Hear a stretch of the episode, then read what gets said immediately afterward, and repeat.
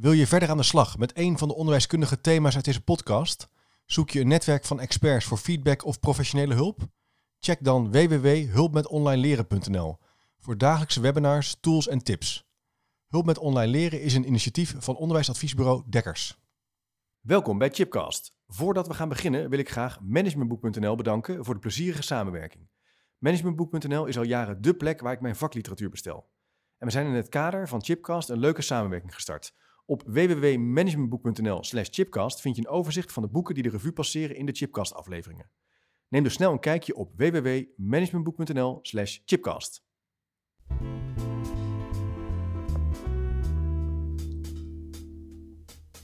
Hallo en welkom bij de Chipcast, waarin we op zoek gaan naar ongewone antwoorden en nieuwe perspectieven op vragen uh, die ons bezighouden. En zoals je misschien al hoort, uh, ik ben niet Chip. Nee, dat ben ik. Ivar. Exact. Uh, want vandaag zit, zit, Chip in de, in de stoel van degene die, die geïnterviewd gaat worden. want we gaan het hebben over zijn nieuwe boek, die deze week uit gaat komen. 1 plus 1 is 11. Yes. Hoe, kan, kan je iets vertellen over, uh, over dit boek? Want uh, deze teksten die hebben mensen al misschien een keer gelezen ergens, klopt dat? Ja, klopt helemaal. Ivar, superleuk om dit samen te doen. Um, 1 plus 1 is 11 is eigenlijk de, het idee van, het komt eigenlijk, is afkomst van mijn zoon Abel, die heel lang dacht dat 1 plus 1 11 was. En ik heb het afgelopen jaar, 2018 en begin van 2019, elke twee weken een column in de NRC geschreven, op de onderwijsblog uh, van de website, over onderwijsvernieuwing en onderwijsverbetering. En dat begon met het stukje over rekenen. En met name dan over de nogal ingewikkelde boeken die, uh, die Abel en andere kinderen krijgen. En die ik heb doorgenomen met mijn vader, wiskundedocent en natuurkunde docent, onder andere op de Universiteit van Amsterdam. En wij begrepen, begrijpen, maar begrepen geen snars van die boeken. En dat was het begin eigenlijk van, van een reeks van stukjes die in de NRC zijn verschenen. En waar we uiteindelijk met Van Duren Media, de, de, uitgever waar ik bij zit, die zei, nou laten we er een boek van maken. Ja. Zo is het gekomen. En het lijkt erop dat, uh, dat het thema van het boek hetzelfde gaat zijn als het thema van de, de chipkans van vandaag. En dat is dat we kijken naar de zin en onzin van onderwijsvernieuwing. Ja. Waarin ja. onderwijsvernieuwing niet hetzelfde is als onderwijsverbetering. Nee. Uh, en het, het, leek ons eigenlijk wel een, uh, een leuk idee om te starten met, met een column. Ja. en je hebt hem zelf uitgekozen, ja. welke column we nu gaan horen. want dan kunnen we het daar eens over gaan hebben. het, de eerste column gaat over breindenken. Ja, brein leren. Brein leren zelfs. Misschien ook wel brein denken, kan dat? het, het, zijn beide wel een beetje pleonasmus. Hè? Ja, pleonasmus, ja. maar ik ga hem even voorlezen. Daar gaan we. Ja, de onzin van brein leren op school. Iets uit je hoofd leren heet nu blijvende neurale netwerken aanleggen. Maar verder bevat breinleren niets nieuws. Er is een nieuwe term in opkomst in de onderwijswereld, breinleren. Het lijkt een veelbelovend concept, want de boeken, vlogs, podcasts, websites en artikelen vliegen me om de oren. Het idee, Dankzij de meest recente kennis over ons brein is het mogelijk onderwijs voor kinderen radicaal te verbeteren. En door gebruik te maken van sleutelfactoren zoals neurale paden, adrenaline en andere breinkenmerken leren kinderen sneller en effectiever. En leerkrachten zouden dan wel breinbewust iets moeten gaan, uh, moeten gaan lesgeven. En menige school organiseerde al een studiedag of jaaropening rondom deze grijze, mysterieuze massa. Breinleren is hip, maar werkt het ook? Is breinleren niet zoiets als witte sneeuw? Hoe komt het dat ik zo in de war raak van het woord breinleren? En ook mijn computer had moeite met de samenvoeging van de woorden brein en leren. Dus misschien ben ik zo gek nog niet. Is breinleren niet gewoon een pleonasme zoals omhoog springen, zitstoel of tekenpotlood? Kan een mens ook leren zonder een brein? Ik dacht dat dit alleen mogelijk was in science fiction films. En nog ingewikkelder wordt het als ik lees hoe sommige breinexperts stellen dat ons brein net zo werkt als dat van reptielen, omdat we hiervan zouden afstammen. Ons brein reageert sterk instinctmatig, waardoor we handelen vanuit een soort reflex. Valt er dan tegenop te studeren? Daar ben je mooi klaar mee als jong, ambitieus kind. Wat is er nieuw aan? Breinleren doet mij overigens ook denken aan de aandacht die er een paar jaar geleden was voor verschillende soorten denkers, zoals beelddenkers, woorddenkers en patroondenkers. Daar hoor ik helemaal niks meer over. Of over het belang om eerst te leren kijken. Dat blijkt toch niet echt te werken. Of nee, sorry, om eerst te leren leren, want dat blijkt toch niet echt te werken. Of de indeling van kinderen naar rijpe en onrijpe fruitsoorten. Ja, je hoort het goed. Allemaal vergelijkbare pogingen in de zoektocht naar diversiteit van leerprocessen waar ik niets meer over hoor. Maar ik hou vol, want volgens sommigen is breinleren hier to stay. Ik zocht op wat een school allemaal kan doen met kennis over het brein. Er zijn vast wel voorstanders van zogeheten breinscholen. En dit zijn de uitgangspunten. Zuurstof is cruciaal om te kunnen leren. Scholen doen er dus goed aan om hun lokale goed te ventileren en van frisse lucht te voorzien. Variatie in activiteit in de klas is cruciaal. Probeer na een periode van bijvoorbeeld stillezen beweging aan te moedigen. Maak plezier. Het brein heeft dit nodig, want het maakt hierdoor andere stoffen aan die leerprocessen versterken. Coöperatieve werkvormen bevo- bevorderen ook het breinleren. Het kan stimulerend werken om kinderen in groepjes aan een opdracht te laten werken. Zichtbare vooruitgang is belangrijk. Je kunt dit als leerkracht realiseren door aantekeningen op het digibord te maken of de muren te gebruiken om gemaakte materialen op te hangen. Geef regelmatig positieve en waarderende feedback. Ons brein leert veel beter van complimenten dan van kritiek. Ik kan me niet aan de indruk onttrekken dat bovenstaande uitgangspunten al heel lang bekend zijn. Sterker nog, volgens mij is elke pabo doordrongen van deze principes. Wat is er nou eigenlijk zo innovatief en nieuw aan al dat breinleren? Of is er iets anders aan de hand? Breinleren als newspeak. En newspeak is een term die in het boek 1984 wordt gebruikt om bepaalde woorden te veranderen en daarmee de maatschappelijke consensus te beïnvloeden.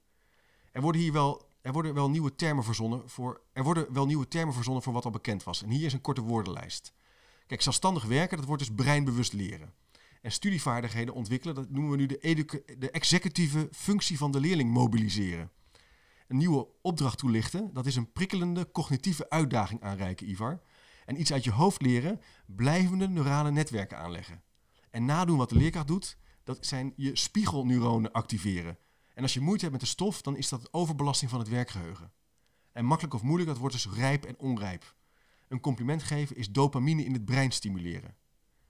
Die nieuwe termen lossen veel problemen in ons onderwijs echt niet op. Sterker nog, al die aandacht op dit nieuwe thema kost alleen maar tijd. En erger vind ik dat er wederom een nieuw concept is gevonden dat leerkrachten en directeuren gevangen houdt in een web van voortdurende nieuwe terminologie en ingewikkelde redeneringen over de noodzakelijke verbeteringen in ons onderwijs. Zouden zij die studiedagen over breinleren volgen uit nieuwsgierigheid of uit onzekerheid?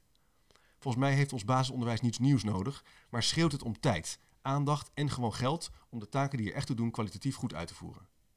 Dus, terug naar de werkelijke onderwijsproblemen. De bestudering van het brein is wetenschappelijk relevant en zal vast tot meer inzichten leiden over leerprocessen, over groei en kennisontwikkeling. En als wetenschapper lees ik dit soort studies ook heel graag. Ik weet alleen niet of kennis over ons brein zo bijst interessant is voor leerkrachten op bijvoorbeeld de basisschool en of het direct toepasbaar is. Sterker nog, ik denk zelfs dat we zeer voorzichtig moeten zijn om deze conclusies direct in een schoolcontext te plaatsen. De werking van ons brein is machtig interessant, heeft veel in petto voor het begrijpen en ha- behandelen van breingerelateerde zaken zoals psychiatrische aandoeningen, ontwikkelingspsychologie, verslaving, de werking van hormonen en fysieke reacties op al deze zaken. Maar het zegt mijn, mijn inziens betrekkelijk weinig over het organiseren van een aantrekkelijke schoolomgeving waarin kinderen goed onderwijs kunnen krijgen. Een tweede reden waarom ik sceptisch hier tegenover sta, is de instrumentele ondertoon van breinleren. Alsof we heel gemakkelijk kunnen inspelen op de feitelijke werking van het brein om leren te garanderen. Helaas mogen we ook niet onderschatten hoeveel belang commerciële partijen en overheidsinstanties hebben bij dit soort nieuwe trajecten. Liever zou ik de heldere aanbevelingen van leerkrachten opvolgen om zo ons onderwijs op korte termijn te verbeteren. Kleinere klassen, minder werkdruk, een eerlijk salaris en een prettige werkomgeving. Het klinkt misschien wat minder hip dan een breinworkshop, maar ik vermoed dat deze aanbevelingen de resultaten op veel bas- basisscholen zullen verbeteren. Nou, Chip, mooi, eh, mooi, mooi voorgelezen. Wanneer, een eh, lastig voorlezen. Eh, maar goed, ik maak een paar woordstruikelingen. Maar daar hoort, ah, hoort er ook bij, hè? Bij, bij een langere soort, eh, soort tekst. precies. Wanneer, wanneer is deze uitgekomen, deze column? Weet je dat nog? Oeh, dat was volgens mij, dit is denk ik de zesde, dus dat is denk ik in het najaar van 2019, begin 2020. Oké. Ja. Eh, en eh, ik, zou je iets kunnen vertellen over hoe, eh, hoe dit thema op je, op je eh, eh, agenda terecht kwam? Waar kwam je dit tegen eh, in, in jouw leefwereld, zo te zeggen? Ja, het is denk ik. Ik merkte, ik geef les op een aantal eh, master- en bacheloropleidingen. En daar zie je het veel voorkomen. Dat eh, onderwijsopdrachten of eh, schooldirecteuren die bezig zijn met onderwijsvernieuwing. dit soort thema's dan op de agenda hebben staan. Ja. Daar kwam ik het denk ik wel voor het eerst tegen. En als je dan door gaat vragen, want je gaat denk ik altijd wel vragen stellen over bepaalde proje- projecten of eh, aanleidingen. Dan merk je dat het toch vrij oppervlakkige aanleidingen eh, met zich meebrachten, zeg maar. Ik denk dat daar een beetje bij begon. Toch tot dat idee van nieuwspeak. Dat oude ideeën op een nieuwe manier verpakt zijn. Ja. Dat er weer een hele discussie over moet komen. Ja. eh, maar dat er eigenlijk niet echt iets nieuws uitkomt uiteindelijk. Nee, nee. Kijk, het is natuurlijk ook wel interessant om na te denken over hoe leren werkt. Absoluut, ja. Dat heb- hebben wij allebei ook gemeen. Ik bedoel, je, je hebt nog, jij studeert onderwijskunde, je, je bent er ook mee bezig als, als, als, als professional en ik ook. Maar het is natuurlijk wat anders om dat meteen in een schoolomgeving te gaan, gaan plotten en gaan proppen. Ja, ja, het is natuurlijk ook belangrijk om het verschil te zien tussen de ene kant gedrag, want daar weten we al ontzettend veel van, dat hebben we Ja. altijd al kunnen meten, en dan het stukje cognitie wat erachter zit, wat Ja. dat gedrag mogelijk maakt.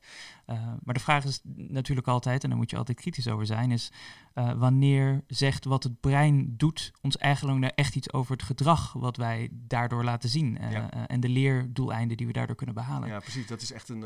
maar ik ben ook wel in het afgelopen jaar in die podcastreeks in verwarring geraakt over. Ik ben wel van de vernieuwing. Ik heb een, eh, een proefschrift geschreven over innovatie. Eh, Ik heb veel onderzoek gedaan naar vernieuwingsprocessen bij eh, spoorwegen, bij banken, bij eh, schoolomgevingen. Dus ik hou ook echt wel van vernieuwing.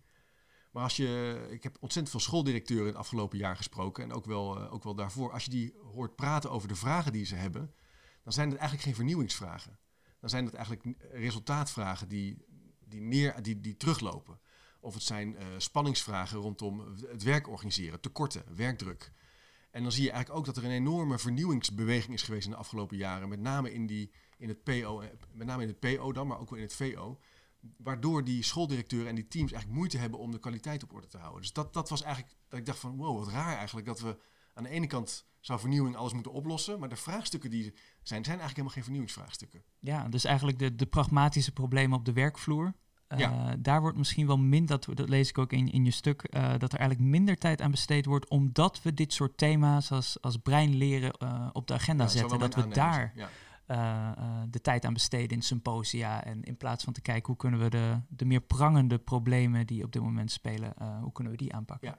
Ja, je merkt ook dat heel veel congressen, dat staat bol met innovatie. Onderwijsvernieuwing, alles moet worden gekanteld, radicaal anders, beter. Je ziet toch dat scholen die het eigenlijk heel goed doen.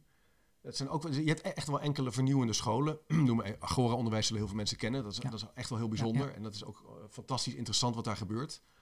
Maar scholen die natuurlijk te maken hebben met neergaande resultaten over meerdere jaren. Of, eh, of leerkrachten die weggaan.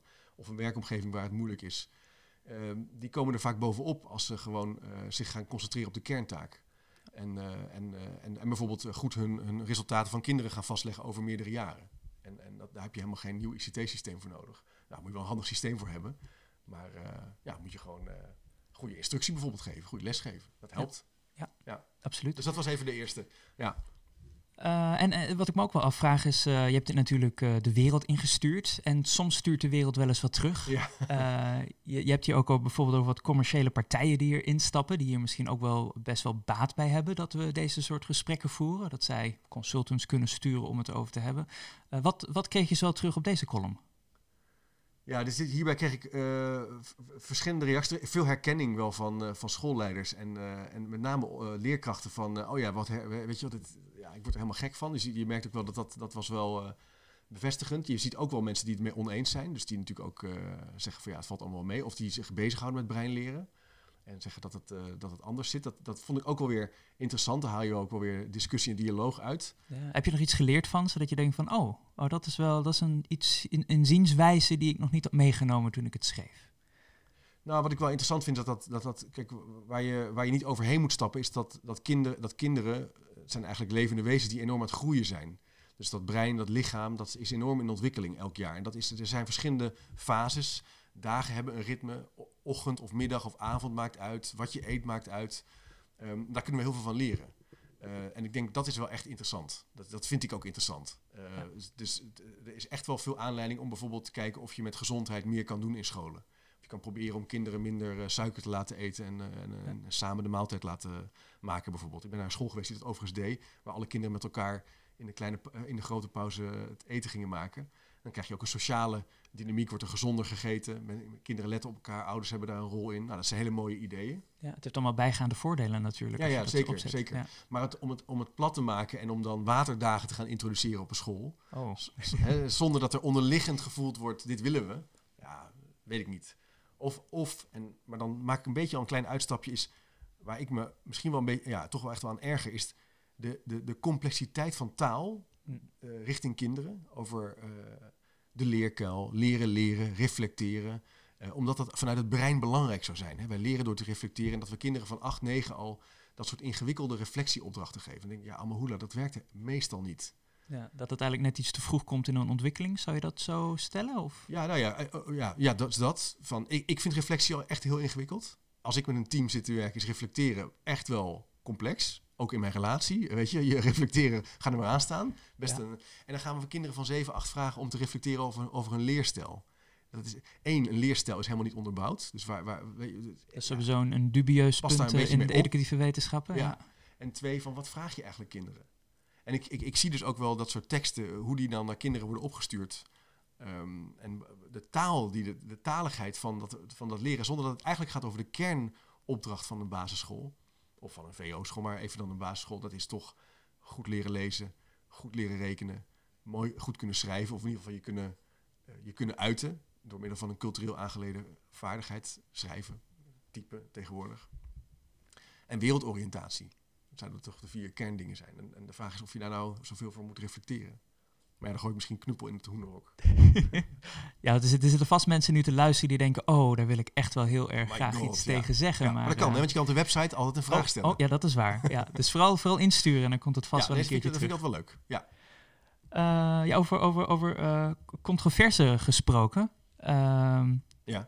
welke, welke column zou je zeggen heeft het meeste oproer gezorgd? Ja. Ja, ik denk dat er dan twee te noemen zijn. De eerste, dus die 1 plus 1 is 11. Die heeft, heel, dat, die heeft eh, vier dagen, was dat het meest gelezen column op de NRC-website, ja. online. De Big Board, zeg maar. Dat is echt ongekend voor, een- voor, een, voor een onderwijsblog. Hij is later ook in de krant verschenen. Daar was ik wel heel trots op. Ik denk misschien wel een beetje positief de discussie rondom rekenen heeft beïnvloed. Maar eh, daar komen we misschien zo nog wel even op. Wat, wat wel, denk ik, wat meer controverse eh, meebracht, was de IQ-test als klassenstrijd op school. De IQ-test als klassenstijl, alleen de titel al, hè? Ja, ja, ja, ja. Dat is een goeie, goed gekozen titel, hè? Ja, dan moet ik toch echt mijn redacteuren Maarten en Mirjam voor het bedanken van de NRC die me daarbij goed bij konden helpen. Eh, maar dat gaat eigenlijk over niet zozeer, eh, gaat eigenlijk over hoogbegaafd onderwijs, speciaal onderwijs. En, eh, en niet zozeer over het feit dat er kinderen zijn die meer kunnen, want dat, dat zie ik en dat, dat omarm ik. Denk dat dat ontzettend belangrijk is. Denk in arrangementen bijvoorbeeld. Maar het ging mij in het stuk over de commerciële partijen, die eigenlijk hebben gezien dat ze op een hele slimme manier gebruik kunnen maken van de onzekerheid van, van ouders en van scholen. En allerlei online tools aanbieden om te meten of kinderen mogelijk hoogbegaafd zijn of niet. En eh, daarin heb ik heel veel, echt heel veel reacties gekregen. Ben ik echt gebeld door mensen en kreeg ik boze mailtjes. En omdat ze eh, echt losgingen op het feit dat, eh, dat ik wat vond van, van, van hoogbegaafdheid. Hè? Zoals het wel door mensen in die wereld wordt afgekort als HB.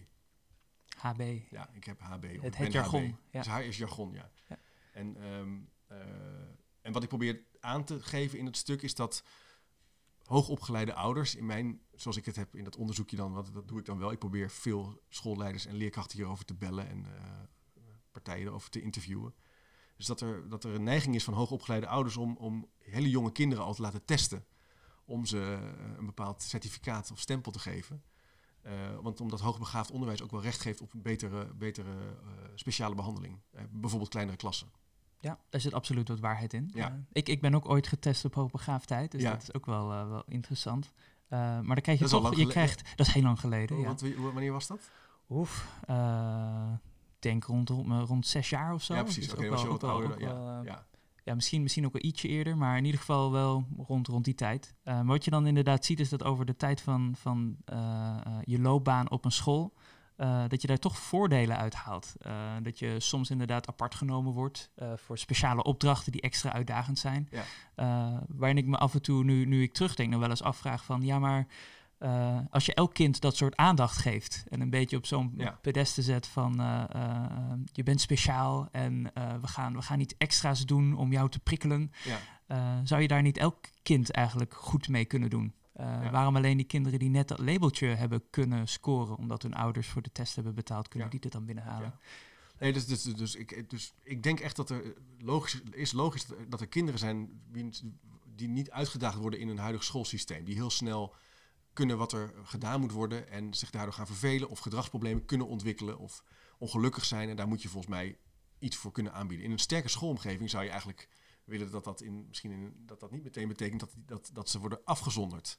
Dat zou nog wel een punt zijn. Maar daar heb ik dit stuk niet eens over. Hierbij gaat het met name over die, die partijen die eh, zelfs online claimen, door middel van 20 vragen, al te kunnen laten zien of je kind hoogbegaafd is. En dat ging echt over bijvoorbeeld, eh, kunt u kind, kan uw kind niet goed stilzitten? Oh Nou. jee. En dat zijn dan online tests, Ja. zonder dat er echt een persoon Ja. naar kijkt. Ja, en daarna... En, dan, en, En dan ook nog via ouders, blijkbaar. via ouders. Dus het- niet eens het kind zelf, maar de ouders zelf, die moeten dat dan eh, Ja. eh, invullen. en dat wat klinkt daarna, niet heel wetenschappelijk. Nee, dat is dat. En daarna, wat je dan vaak ziet, is dat scholen dan toch een aannamebeleid hebben op, eh, op, op, op die kinderen met een preferred supplier.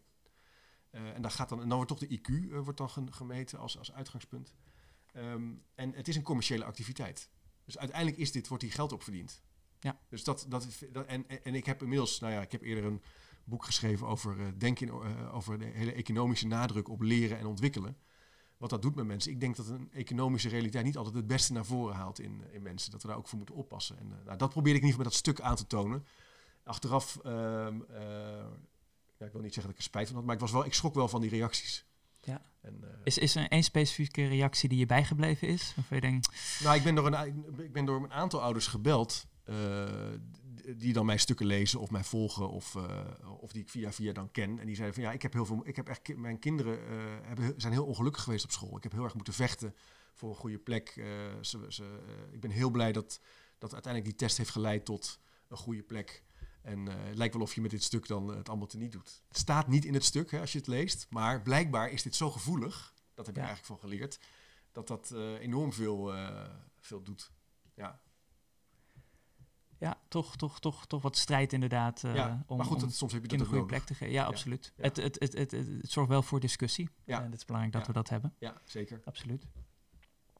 Eh, we hadden net al eh, eh, een momentje eh, gesproken over de column eh 1 plus 1 is 11. Ja. En daar is natuurlijk ook je boek naar genoemd. Ja. Ehm, misschien zou het helemaal niet zo'n slecht idee zijn als we die eh, ook eh, te horen zouden kunnen krijgen. Is dat nee, een idee? Is goed. Dat is goed. Ga ik iets, proberen iets rustiger te lezen. Dus dit is eigenlijk de eerste column geweest die ik heb geschreven. De allereerste, de De start. allereerste, de start. en de titel is Zo leert mijn zoon 1 plus 1 is 11. Nieuwe zelfsturende rekenmethodes leiden, al, leiden af van de essentie van leren rekenen. Het memoriseren van rekenregels en het inslijten van een standaard aanpak. Reken uit. 1 plus 1 is... Ho, wacht even, niet te snel antwoorden. Eerst reflecteren. Hoe dacht je deze som aan te pakken? Werk je met de getallenmuur, ga je stapelen, tel je met het rekenrek, de tegelvloer of ga je voor de getallenslang? Of besluit je een bewezen klassieker te, gaan, eh, te pakken en pak je telraam erbij. Dat telraam moet je dan wel even openen op je tablet. Is je batterij leeg, bezet? Kijk dan even op bladzijde 34 van boek 3.2a. Daar staat een telraam met bolletjes die je kunt inkleuren, aankruisen, verbinden of wegstrepen. Is het misschien daarom dat mijn creatieve zoontje van 5 stellig van mening is dat 1 plus 1 11 is? Want twee enen naast elkaar vormen ook echt een 11. En 2 plus 2, dat is een raampje. Houd de opgestoken vingers, duim en wijsvinger maar eens tegen elkaar. Bovenstaande methoden, methodieken zijn zomaar een greep uit de verschillende aanpakken die in de vele rekenboeken voor het basisonderwijs te vinden zijn. Ze vormen de zoveelste poging om het rekenen leuker en aantrekkelijker te maken. En één ding hebben al deze boeken met elkaar gemeen: de nadruk ligt op zelfontdekkend leren. Vanaf jonge leeftijd wordt van kinderen verwacht dat ze individueel een oplossing bedenken voor een rekenprobleem. En we leggen hen uit dat er meerdere manieren zijn waarop je het rekenprobleem kunt benaderen. De rekenmethode is daarmee ondergeschikt aan de leervoorkeur van de leerling en het type onderwijs waar de school de nadruk op legt. Dat leidt weliswaar tot creativiteit en plezierige ontdekkingen, maar gaat ten koste van de essentie: dat kinderen rekenkundige wetten leren volgen. Ik dacht tot een paar jaar geleden dat het dankzij zulke prachtige boeken, lesmethoden en tablets wel goed zou zitten met ons rekenonderwijs. Maar helaas is het tegendeel waar. In de afgelopen twintig jaar zijn onze basisschoolkinderen slechter gaan rekenen. Ik denk dat de overdreven aandacht voor zelfsturing en ontdekkend leren hier grotendeels de oorzaak van is. Want met deze nieuwe vorm van leren wordt ook nadruk gelegd op begrijpend rekenen en realistisch rekenen. Er wordt niet meer getraind op inzicht in getallen in logica of gestructureerd berekenen. De gelegenheid om re- rekenkundige kennis te laten inslijten wordt daarmee geminimaliseerd. Maar dat is niet het enige bezwaar. De doorgeslagen onderwijskundige innovaties nemen in grote mate afstand van instructie, voordoen, uitleggen en begeleiden. Op veel scholen doet de tablet dat nu, maar of dat echt werkt is maar de vraag. En er is nog een verborgen probleem rond, rondom al die verschillende lesmethoden die uitgaan van zelfsturing, visualisatie en het opleuken van rekenen. Een basisschoolleerkracht heeft, hiervoor, heeft, hier- heeft hierdoor te maken met meerdere lesmethoden. Eén basismethode, één verdiepende methode, de methode aangeboden via de tablet en soms zelfs extra aanvullende werkbladen voor kinderen die moeite hebben om mee te komen. Elke lesmethode vraagt kennis van het boek en de werkwijze, de manier van instructies geven, hoe je corrigeert en op welke wijze je de voortgang bijhoudt. Elke methode vraagt een studiedag of meer om te trainen en officieel heet het dan ook wel deskundigheidsbevordering. En ineens wordt het daardoor ook duidelijk waar de hoge werkdruk in het onderwijs vandaan komt. Goed kunnen rekenen vraagt het omgekeerde van zelfsturing.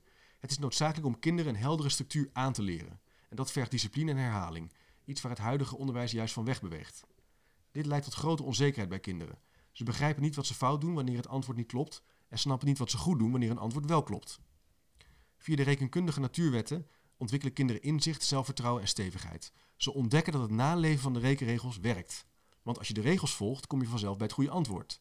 En dit leert kinderen dat je kunt vertrouwen op bepaalde structuren en wetten.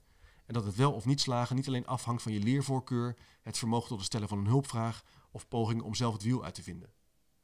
Rekenrijk, Rekentijger, Scula, Snapit, Pluspunt, de boekenlijst is eindeloos. Wat ik in al deze boeken terugzie is een rekenoerwoud gericht op taal, lange verhaaltjes, steeds weer... Sorry, mijn computer die gaat dan weer een update doen, maar ik ga door. Oh jee. Wat ik in al deze boeken terugzie is een rekenoerwoud gericht op taal, lange verhaaltjes, steeds weer nieuwe terminologie en onduidelijk beschreven opdrachten. Het is voor mij als ouder niet meer te volgen wat de instructie, de opgave of de aanpak is die in de sommen wordt gevraagd. De aankleding leidt af van de essentie van leren rekenen. Het memoriseren van de rekenregels. Het inslijten van een standaard aanpak en het vergroten van het werkgeheugen. Leren rekenen is cruciaal voor de neurale ontwikkeling van het kinderbrein. Hé, hey, daar ga je, hè? Het verbetert het geheugen, vergroot het neurale netwerk en opent het vermogen tot complexere opgaven. Maar dat is niet het enige voordeel. Het fundament van het rekenen biedt toegang tot andere vakken en disciplines zoals geometrie, lengte, oppervlakte, volume en muziek. Ritme, tellen, symmetrie. Daarnaast draagt het bij aan bredere competenties zoals projectmatig werken, programmeren en digitaal navigeren. De onderwijskundige initiatieven op het gebied van rekenonderwijs in de afgelopen 20 jaar hebben ervoor gezorgd dat we er slechter voor staan. Tijd om terug te gaan naar de basiswetten van rekenen. Een eeuwenoude en onmisbare discipline. Zo, dank je Ja. Chip. Dat was hem. De column 1, 1 plus 1 is 11. Ja. Waarmee het allemaal startte. Ja. Ja, ja er, zitten, er zitten hier ook wel wat, eh, eh, wat punten in waarin je inderdaad over kan struikelen. Als je bijvoorbeeld zegt, eh, goed kunnen rekenen vraagt het omgekeerde van zelfsturing. Ja, Je ja. moet eigenlijk bestuurd worden, zeg je daar. ja dat, is natuurlijk, dat is natuurlijk lastig. Je, je kan, je- hiermee zou je kunnen zeggen, bestuurd worden klinkt een beetje lelijk. Dat klinkt Maar- lelijk, ja. Ik zou hiermee zeggen, ik zou hiermee wegbewegen van het idee dat de leerkracht een coach is. Maar meer toebewegen naar het idee dat de leerkracht een expert is. Die kennis overdraagt naar een junior, naar een kind. Die geen expert is. Die het dus niet weet. Dat is niks, daar is niks mis mee. Mijn zoon weet niet hoe hij moet rekenen. En dus we gaan die kennis overdragen. Ja. Dat zou denk ik een punt zijn waarin dus kennis belangrijk wordt. Of in ieder geval overdragen van een aanpak. Je zou nog verder kunnen gaan zeggen, wat is dan kennis? Op het moment dat ze dat kunnen internaliseren en kunnen reproduceren, dan is het kennis. Maar dat hebben ze nog niet. Mhm. Dus het moet ze voorgedaan worden. Dus als je zegt, eh, leraren moeten gewoon kunnen lesgeven, dan gaat het over dat ze die aanpak kunnen overdragen eh, als een kind die aanpak zelf nog niet beheerst. En eigenlijk eh, niet vanuit niks aan de slag Nee. kan. Nee, dus, daarmee, ja, dus daarmee ga je terug naar het idee van instructie en expliciete instructie. Het direct kunnen uitleggen wat er verwacht wordt van, van, van- van- wat je verwacht van een kind. En we gaan nu boven het tiental op te, eh, aftrekken. Of we gaan nu eh, vermenigvuldigen boven de tien. Eh, dat je kan, begripsherkenning kan, kan stimuleren, voorkennis kan activeren. En daarmee, in, deze, in, deze, in het boekje refereer ik af en toe naar podcasts. Ik heb hierover ook gesproken uitgebreid met Marcel Smeijer. die dat boek heeft geschreven, of die heel veel doet rondom rekenonderwijs. En die ook een nieuw boek heeft ge- uitgebracht over expliciete directe instructie.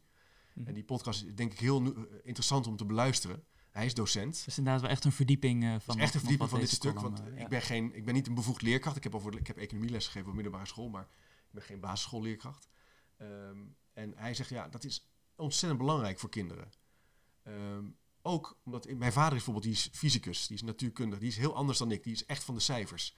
Die raakt ook echt in de war van woorden en van kleuren en een bus met giraffen eromheen en kinderen die erin lopen en uitmogen en dat je dat plaatje dan moet analyseren. Er zijn ook heel veel kinderen die houden van cijfers. Die kijken, zoals, kijken anders dan, nou ja, het, het, Het is toch van, een manier van, van de wereld benaderen ja, Ja. vanuit, vanuit cijfers. Ja. Eh, en misschien eh, die verhaaltjes, sommen, die brengen ook voor- en nadelen met Ja. zich mee voor verschillende eh, leerlingen. Ja. Ja. Wat ik hier nog wel belangrijk vind om aan te geven, dit betekent niet dat het, dat onderwijs, want dat viel me echt op in de reacties, dat instructie een soort eh, dictatoriaal eh, eh, klaslokaal is. Waar kinderen moeten, eh, in, in rijen moeten gaan eh, opdreunen wat de tafels zijn. Het is juist een hele interactieve, actieve en leuke les. Eh, ik heb er meerdere bijgewoond. Eh op internet zijn er heel veel filmpjes van te zien. Het betekent bijvoorbeeld dat je eh, kinderen wisbordjes geeft. van die bordjes waar je wat op kan schrijven. En dat je eigenlijk constant begripsvorming checkt. Van, nou, we gaan 4 plus 4 vandaag doen. Schrijf even allemaal 4 plus 4 op, wat is het antwoord? Dat je meteen kan kijken in een klas van, hé, hey, Dat je meteen de diagnose hebt, dat Ja. daar die interactie ook in Ja. zit. Ja. Eh, dat je daarop kan reageren als, eh, als leraar. Ja, maar het betekent wel dat een leraar heel duidelijk uitlegt. Heel duidelijk voordoet op het bord. En niet constant bijvoorbeeld vragen gaat stellen. En dat zie je ook wel eens. Dat vragen stellen is dan heel belangrijk. En dan gaat hij constant, hij of zij, vragen lopen stellen aan kinderen die het niet weten. Ja, dat is natuurlijk killing. Dat, is, dat, Dat, dat werkt niet. Ja, ja dat, dat heb ik ook wel eens geprobeerd in, eh, in bepaalde klaslokalen. Dan niet in rekenen. Maar inderdaad, als je geen antwoorden terugkrijgt, dan stop je daar op een gegeven moment Nee. toch ook wel weer mee. Ja. Als je doorhebt van, Ja. oké, die achtergrond ligt er nog niet. Precies. En er is niks mis mee met, met vragen stellen. Maar er is ook niks mis met uitleggen.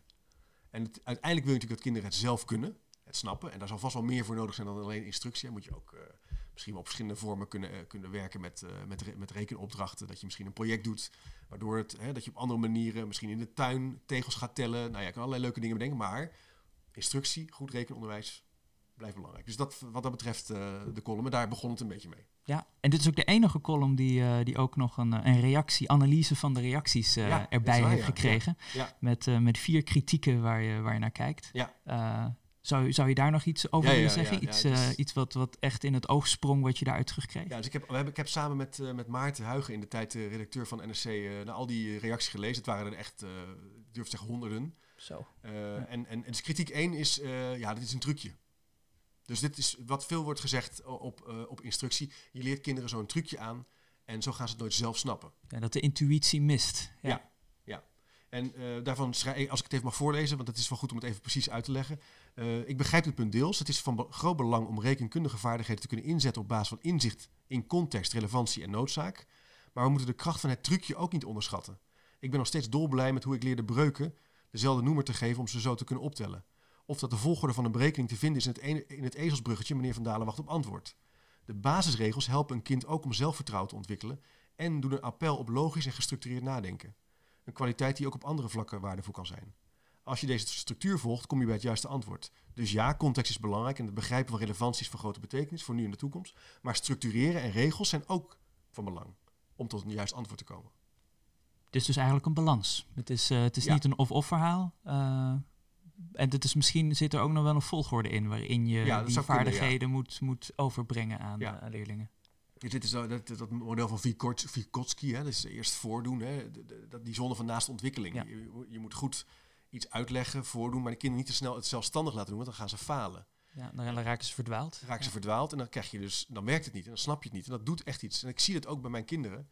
Wij werken dus nu thuis. Hè. De, de corona-epidemie eh, maakt dat je thuisonderwijs Ja, geeft. Eh, ja, je zal het herkennen. Eh, heel veel kinderen hebben dat. Dat doen ze, ze geven, krijgen bij ons rekenen op de tablet, op de Snapit. Ik ben daar op zich positiever over dan vorig jaar. Het is echt wel een mooie methode, goed uitgelegd. Mhm. Maar je moet er wel bij zitten. Het is niet dat dat een instructie is. Maar je ziet wel dat die tablets soms al wel instructies aanbieden via filmpjes. Maar ik zie gewoon dat dat niet hetzelfde is. Dat, dat, eh, het is echt anders. En wat, Bedoel je dan dat stukje interactie wat er in interactie, maar ook kijken naar filmpjes anders dan, dan natuurlijk dat een leerkracht met jou praat, interactie eh, aangaat. Eh, ja, dus dat is echt een belangrijk punt. En, en wat mij opvalt is dat als dat ontbreekt, gaan kinderen trucjes eh, uithalen. Ik zie bijvoorbeeld mijn kinderen Gaan ze juist trucjes uithalen eigenlijk? fout antwoord geven omdat ze, zodat ze een tip krijgen. Of naar de vorige vraag gaan en weer naar de volgende vraag gaan. En wat ik ook zie, dat ze heel snel de instructie overslaan. Ze weten meteen aan de kleur van de pagina van, oh ja, dit is een stukje tekst over eh OU, AU of over vermenigvuldigen, volgende. En dan mis je dus eigenlijk precies dat waar het om gaat. Dus het kan nooit de instructie overnemen.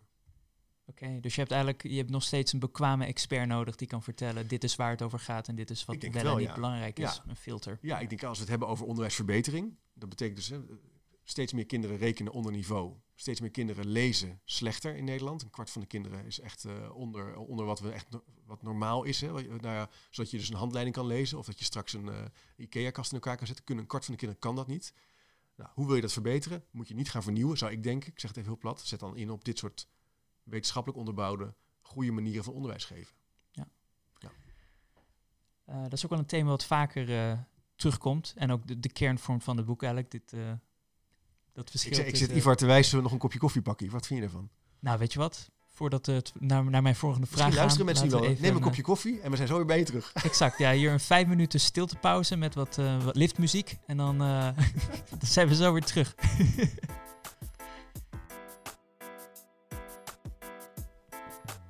Oké, we hebben ons, onze koffiepauze gehad. We hopen dat, dat jullie ook van een heerlijk kopje Java genoten hebben.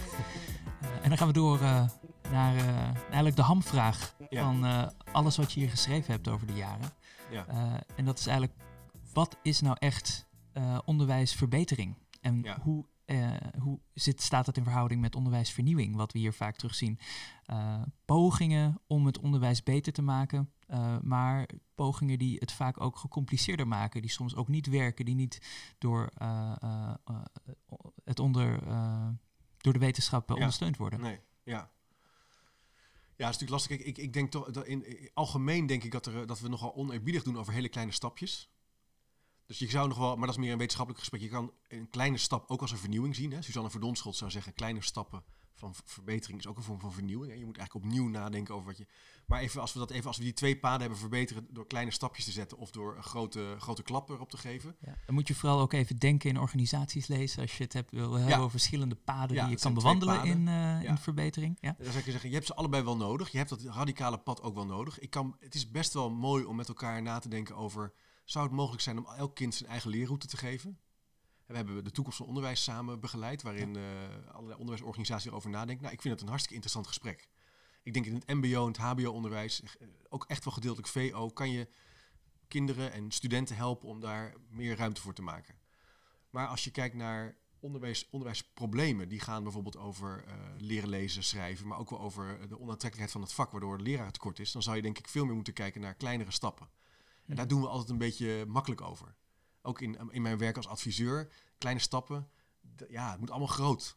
Terwijl volgens mij kom je veel verder en hou je het ook veel langer vol als je elke week één ding doet.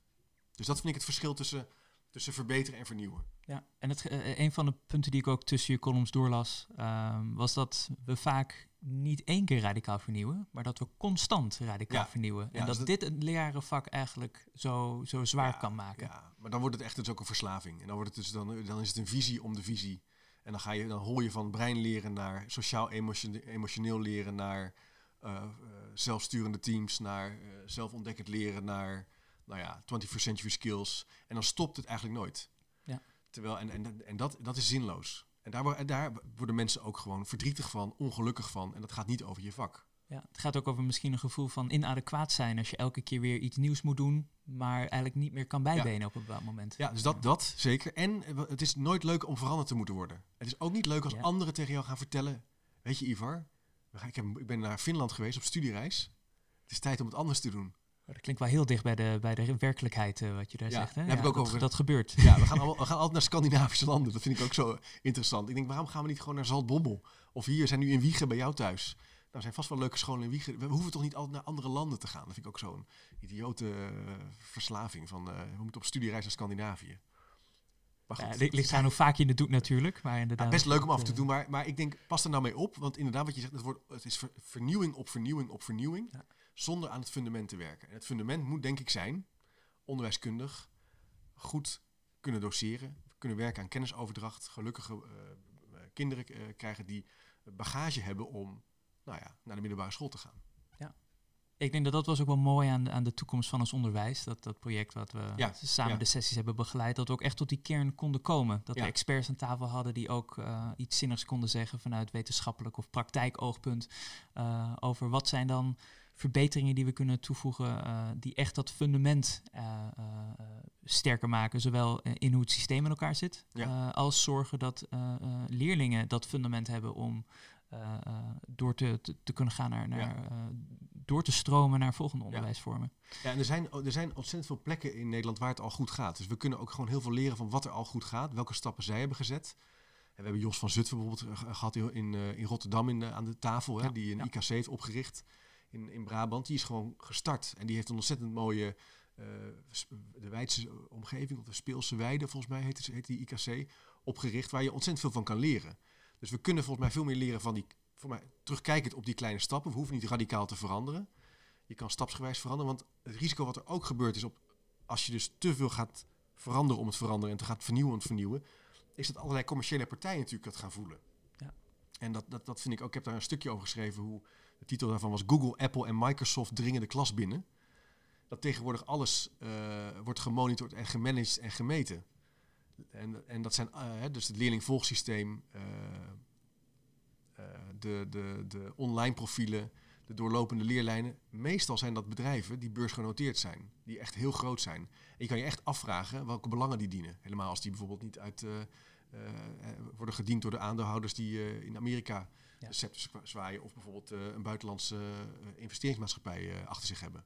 Dus die commerciële partijen, ik, wil niet zeggen, ik ben niet tegen geld verdienen of tegen commerciële partijen, maar ik vind wel dat we daar in het onderwijs best wel voorzichtig eh, mee mogen zijn. Ja, ik denk dat als in- informaticus sprekende eh, mogen we inderdaad best wel wat kritischer over zijn. Eh, want eigenlijk eh, de vraag waar, waar die data nou eigenlijk echt eh, eh, opgeslagen wordt en wie Ja. er gebruik van kan maken, daar zijn we niet zo heel kritisch over. Daar Nee. laten we aan Google, en Apple, Microsoft over. Ja. Terwijl het eigenlijk zou dat bij het student, de, de leerling zelf moeten liggen. Ja. Eh, en het is ook iets wat die leerling meeneemt naar het vervolgonderwijs. Dat zijn denk ik wel vraagstukken die we nog verder mogen beschouwen. Met een zeer kritisch oog naar die grote bedrijven die hier kansen zien. Ja, zeker. Want kijk, bijvoorbeeld woorden als gepersonaliseerd leren, dat is natuurlijk. Je moet niet vergeten dat dat voor gewoon computerbedrijven die gewoon spullen maken, is dat natuurlijk fantastisch. Ieder zijn eigen device, Absoluut. ieder zijn eigen account, ieder zijn eigen eh, gigabyte eh, storage en ieder zijn eigen, Ieder zijn leerling. eigen 5 euro om, eh, om de classroom binnen te kunnen komen. Zijn eigen abonnement. Ja.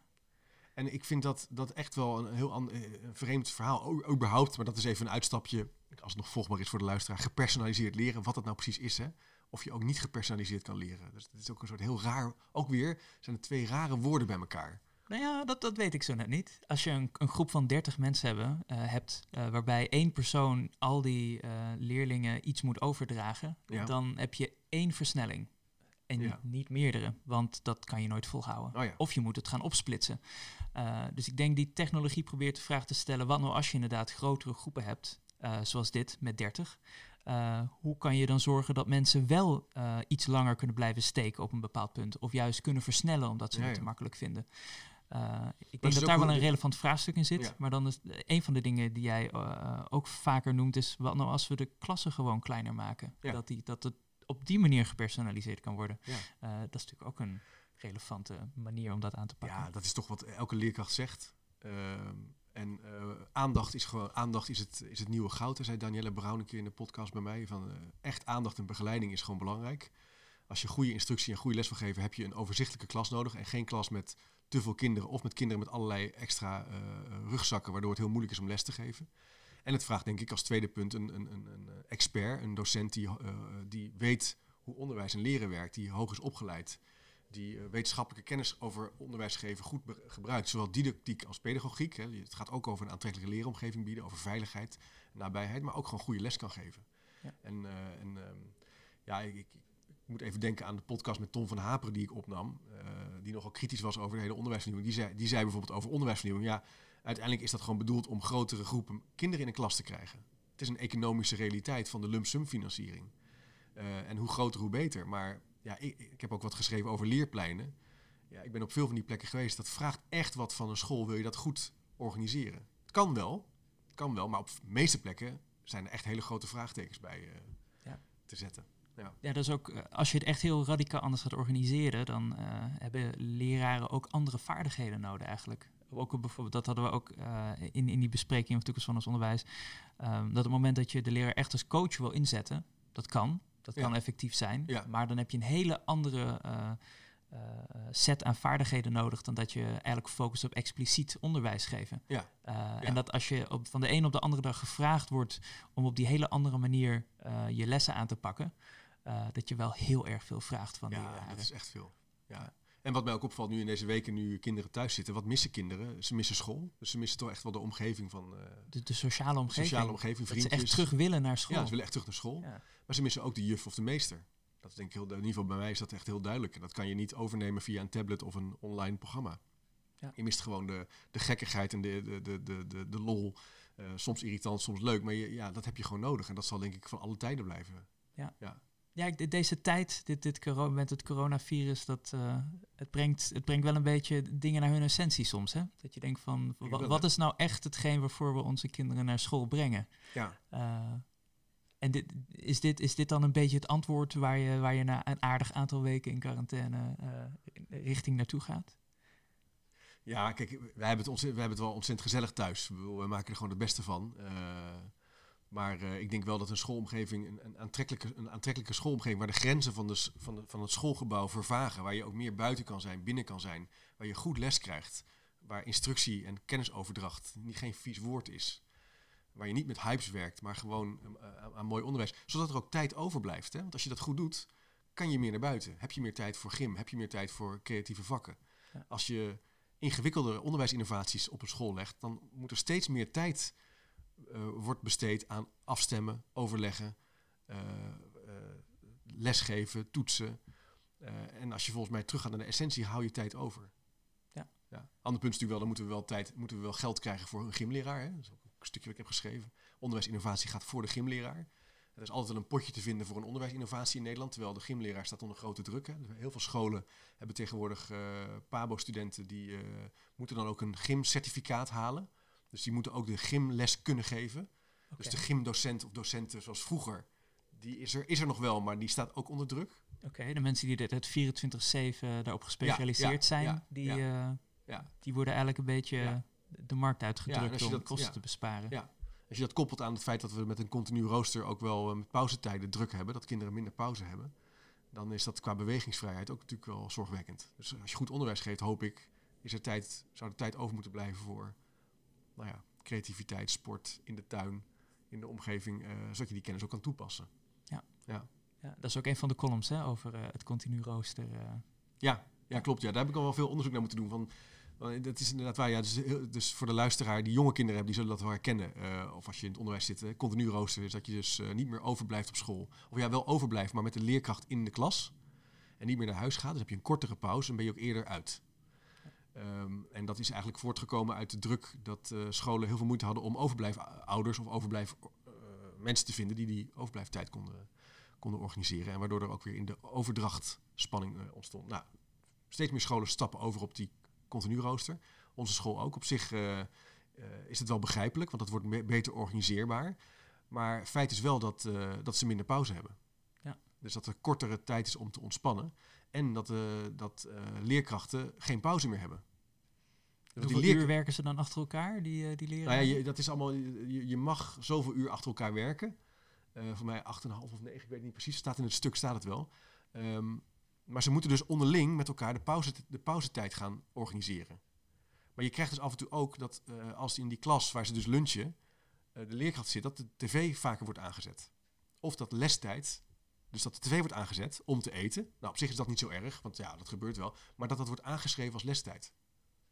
Oh, Dat ze zeggen, nee, we hebben dus lunch geluncht en dat is een kwartier lestijd. Begrijp je wat ik bedoel? Omdat we hebben schooltv gekeken. Dat is een educatieve activiteit. Ja, ja, daar vind ik wel wat misgaan. Dan dus zijn we eigenlijk een beetje aan het vals spelen. Dat is een beetje vals spelen, ja. Ja. En dat, heel veel scholen zeggen dan, nee, dat doen wij niet. Maar ik heb veel scholen gesproken die zeggen, ja, dat doen we eigenlijk wel. Ja. Dus, dat vind die, ik, die uren te vullen. Ja. eh, dus ik snap dat is heel je, economisch denken eigenlijk. het is heel economisch denk ik. Ja. Absoluut. Ja, ja, ik snap wel dat het heel moeilijk is om als school die pauzetijd te organiseren. Dus ik ben heel invoelend daarin. Maar ja, als dan kinderen korter pauze hebben, als lestijd lunchtijd wordt, als, als je als leerkracht ook nog eens minder pauze krijgt, ja, dan is dat wel ja, een beetje raar. Ja. Dus Ja, je moet er toch, eh, toch op een of andere manier mee omgaan als, eh, als leraar. ja, dan moeten we ook kosten, moet gewoon, ja, moet meer geld naartoe. We moeten ook Ja. accepteren dat, een, dat, dat als we daar een fijne pauzetijd voor willen hebben, dat dat geld kost. Als, als het boek een pleidooi is voor verandering, wat voor verandering zou dat zijn, denk je? Want je hebt het nu over inderdaad, er moet meer geld naar... eh, Ja, het is natuurlijk makkelijk. zaken. er zijn ook mensen die zeggen, nou, dat is niet de oplossing. Nou, ik denk dat het toch een pleidooi is voor, voor, voor die kleine stappen, denk ik. aha. Kleine, kleine verbeterstappen. Dus om de verbetering te zien. Ik denk ook wel een pleidooi om als schoolteam en als school dus kleiner te kijken naar, naar haalbare verbeteringen. Ik moet denken aan een school die hadden theemomentjes. Elke dag hadden ze tien minuten met een team waarin ze met elkaar een kopje thee dronken. En dat was heilig. En daar bespraken ze gewoon dingen die ze tegenkwamen in de school waar ze moeite mee hadden, of wa- wat ze beter wilden zien. En dat leidde tot verbeterinitiatieven. Dat werkte gewoon. Dus probeer klein, realistisch te verbeteren. En laat je ook leiden door wat we al weten. Dus ik wil niet zeggen dat je nou allerlei wetenschappelijke journals moet schrijven, maar er zijn hartstikke leuke, toegankelijke boeken geschreven. Er zijn ontzettend veel mensen die daar kennis over hebben verzameld, over wat je kunt doen in een school wat werkt. Ja. Een aantal waarvan zijn ook in mijn podcast geweest. Laat je daardoor leiden, denk ik. Ja. Ja. is ook allemaal gratis te beluisteren, de, de podcast. Dus dat ja, is ook klopt. eh, ja, ja, nee, wat dat allemaal, betreft, allemaal zo eh, toegankelijk ja, voor... eh, ja, ja, in de pauze hè, kan je even luisteren. Ja, ja, na- dat naast de theemomentjes even een chipkastmomentje. Ja, Ja, kijk, dat, dat is een verandering waar een pleidooi... maar hoe kijk jij daarnaar? Want het is verbeteren of vernieuwen. Jij bent ook wel een vernieuwer. Ik Vind je? zit ook wel, ja. Ja, ik, ik, denk, ik denk vooral dat, dat, we, dat we kweekvijvertjes moeten maken. Ik denk dat radicale vernieuwing in het hele onderwijssysteem, dat is, dat is problematisch. Eigenlijk wat je wil hebben is een, een stabiele omgeving, schoolomgeving, waar dingen al goed werken op een basisniveau. Waar er bijvoorbeeld geen stress is omdat er net nieuwe dingen zijn ingevoerd of Ja. waar er ontevredenheid is. Ja. Eh, en dan bijvoorbeeld vragen te stellen over, kan je gepersonaliseerd leren op een, op een grotere schaal? Kan je dat inzetten? Ja. Eh, dus wat ik, eh, waar ik nu bijvoorbeeld mee aan de slag ga, eh, is om te kijken, kunnen we informatica aanbieden op middelbare scholen eh, die op dat moment nog geen informatica-docent eh, konden aantrekken. Ja. Ehm, En daar is het interessant om te kijken, kan je, nou ja, niet leraarloos, want je hebt natuurlijk wel mensen die daar steun op afstand geven, maar hoe kan je daar op een andere manier Ja. invulling aan geven? Ja. En dat, dat zijn de soort experimenten eh, waar je natuurlijk ook weer onderzoek omheen kan doen. Ja. Eh, wat interessant is om het, eh, dat zijn de soort vernieuwingen, denk ik, van die kleine, nou ja, klein, het is ook wel aardig groot, Oh ja, maar die, waar, die ja. vraagstukken die je op zichzelf kan aanpakken, waar je vragen overheen kan stellen, waar je onderzoek over kan doen en waar je dan een antwoord op kan genereren. Ehm, in plaats van dat je weer een hele nieuwe ideologie optuigt, Ja. ehm, die wel wat richtlijnen geeft, maar waar dan niet eh, echt onderzoek naar gedaan wordt. Dat het meteen. Eigenlijk moet het door die stap heen, denk ik. Ja. Dat er iemand ook op een onderzoekende manier kritisch naar kijkt. Werkt dit, werkt dit niet? In Ja. plaats van het eh, gewoon maar in te voeren omdat het populair is of een hype. Ja, ik vind het heel mooi. Dus, dus de basis op orde en klein kijken naar bijvoorbeeld dit, dit geval dan eh, IT of programmeervaardigheden of eh, computervaardigheden. Ja. Ik moet denken, ja, ik gebruik ook een beetje natuurlijk de school van onze kinderen als, als plek. Daar zie ik natuurlijk ook allerlei di- dingen gebeuren. Ik zit in de ouderraad. We hebben daar, zijn wij bijvoorbeeld gestart. We wilden graag daar de schoolomgeving groener maken. En wij zijn toen gestart met, ehm, volgens mij echt letterlijk, eh, een, een kleine vier bakken timmeren en daar plantjes in doen. En toen het jaar erop hebben we eh, een heg eh, geplant. En toen hebben we de moestuin die er ooit was in ere hersteld. En daarna hebben we nog een paar dingen, een boom geplant. En zo langzaam in twee, drie jaar begon dat steeds meer, dat, dat idee dat kinderen in de tuin ook dingen doen. Eh, groter te worden, groter te worden. En toen hebben we op een gegeven moment besloten om een heel groot stuk van het schoolplein groener te maken. En het schoolplein eigenlijk de tegels eruit te halen en een heel speel, speelhoek te bouwen. Ja. En dat kan je eigenlijk alleen maar doen door heel klein te beginnen. En ook te beginnen met een groepje mensen die daar zin in heeft. En ik, zie, ik zag ook wel daar dat bij onze school, ja, de- de- voor leerkrachten, helemaal als een relatief kleine school, 220 kinderen, daar is er niet zoveel ruimte meer om te vernieuwen. Als leerkracht. Je hebt gewoon heel veel tijd, ben je al bezig met nakijken, werken. Dus daar hebben wij gewerkt met partijen die we, die we hebben gevonden als ouderraad. Ouders, maar ook eh, en een paar leerkrachten wel. Maar als je niet mee wilde doen, was het ook oké. En zo bouwen aan verbetering. Ja. Ehm, Dat is het ook een meteen gedragen is eigenlijk. Ja. Dat je van die kleine stapjes neemt waarbij iedereen zegt we zijn aan boord. Ja. En dat je op een gegeven moment kan zeggen oké, we hebben nu zoiets opgebouwd dat we het kunnen gaan opschalen. Ja. En we weten dat mensen dit gaan dragen. In plaats van dat je één keer een enorm bedrag in een tuin steekt. En dat vervolgens dat een paar maanden gebruikt wordt, maar dat het draagvlak er gewoon niet is Precies, om daar precies. echt gebruik van te maken. Ja. Ja. Het zal ook altijd op aankomen. Kijk, als, als ik weer weg ben na een paar jaar als ouder, hoewel het duurt nog wel even, maar stel, dat, dat het blijvend blijft. Hè, dat er weer nieuwe initiatiefnemers opstaan. En dat kan alleen maar in een werkomgeving waar initiatief wordt gewaardeerd en waar ruimte is voor initiatief. En dat vraagt weer leiderschap, schoolleiderschap. Ja. Of nou, in een commerciële organisatie hetzelfde. Dat dat, als, dat, dat dat kan. En dat je een idee mag hebben. En dat je dat mag uitwerken. En dat vraagt weer ruimte. Nou ja, zo heb je dus wel een soort kettingreactie. Of een soort, is, ja, Ja. Ik had het bij mijn eh, eh, studentenvereniging, waar ik eh, ooit in zat bij, bij RASA in Middelburg. Ja. Daar zag je ook dat comité's binnenkwamen en weer weggingen, gebaseerd op Ja. de interesse van Ja. iedereen die aanwezig was. Ik, denk, ik kan me ook voorstellen dat zo'n tuin populair kan zijn voor misschien tien jaar. Ja. Dat het op een gegeven moment ook weer doodbloedt en dat dat oké is. Ja En dat precies. het geld weer naar andere richtingen kan gaan waar op dat moment eh, Ja. echt iets voor leeft. Ja. Onder de, de leerlingen, eh, de ouders, eh, de leraren, het management. Waar ik, en precies, en, en dat zijn volgens mij, kijk, waar ik dan, waar ik wat ibelig van zou worden, is als je zou zeggen, nou dan gaan we ook het hele rekenonderwijs ook koppelen aan die tuin. oh, Dan zou ik denken, nee, doe dat nou niet, niet dat het gebeurt, maar dat je dus, hè, dat hoor je nu wel oh, duurzaamheid moet nu een vak zijn op school. Maar duurzaamheid is geen vak.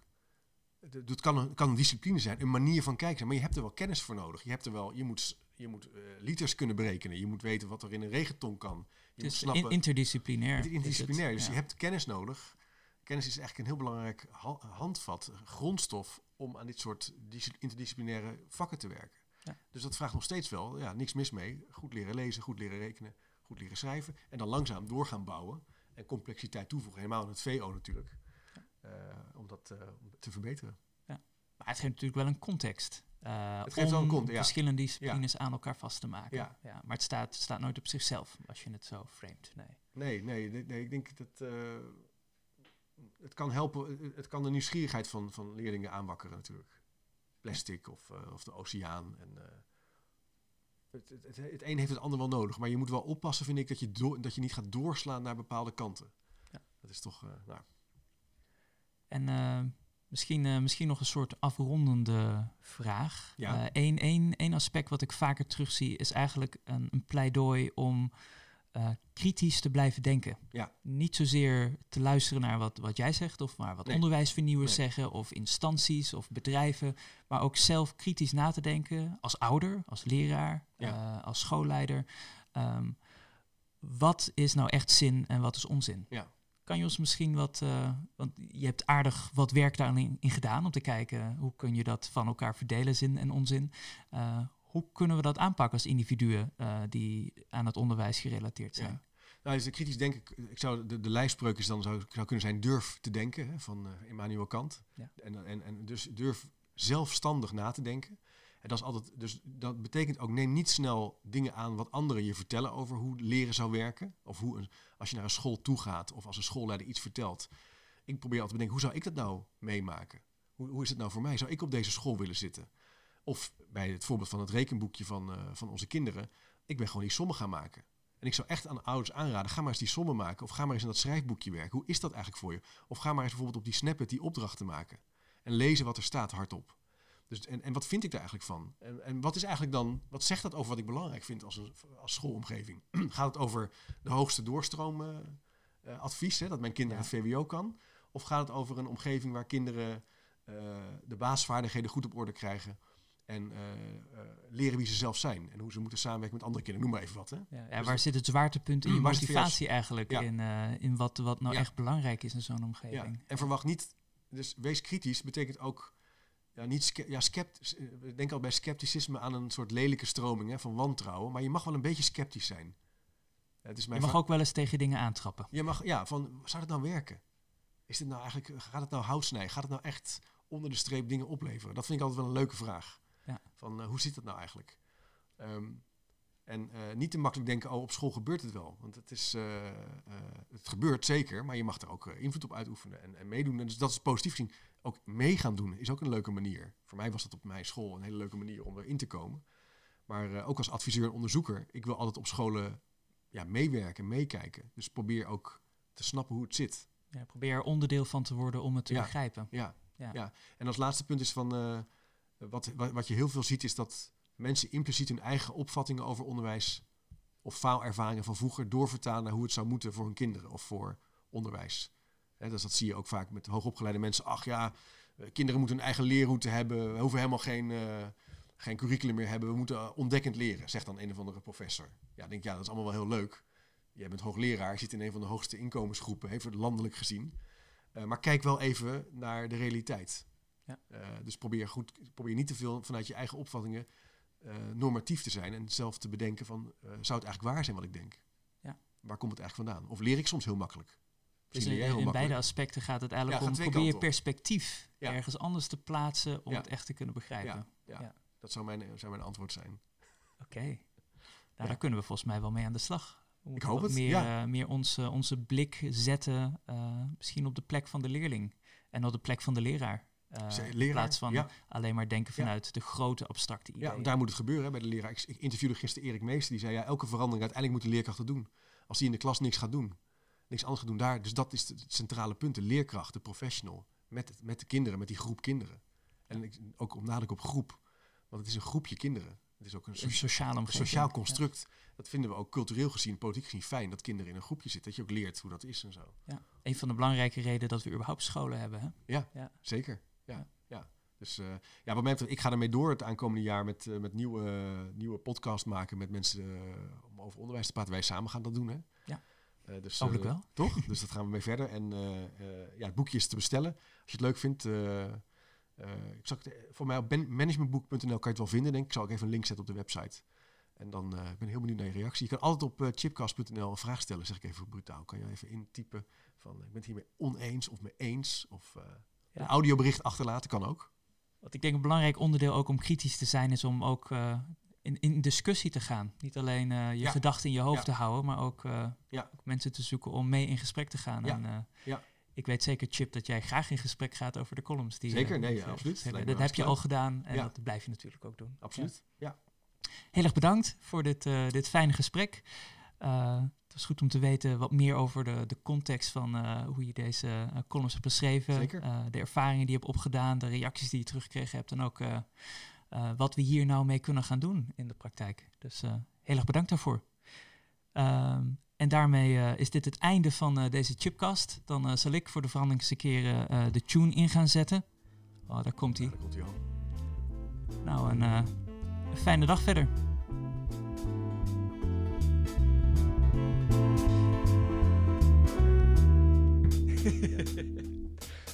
nou,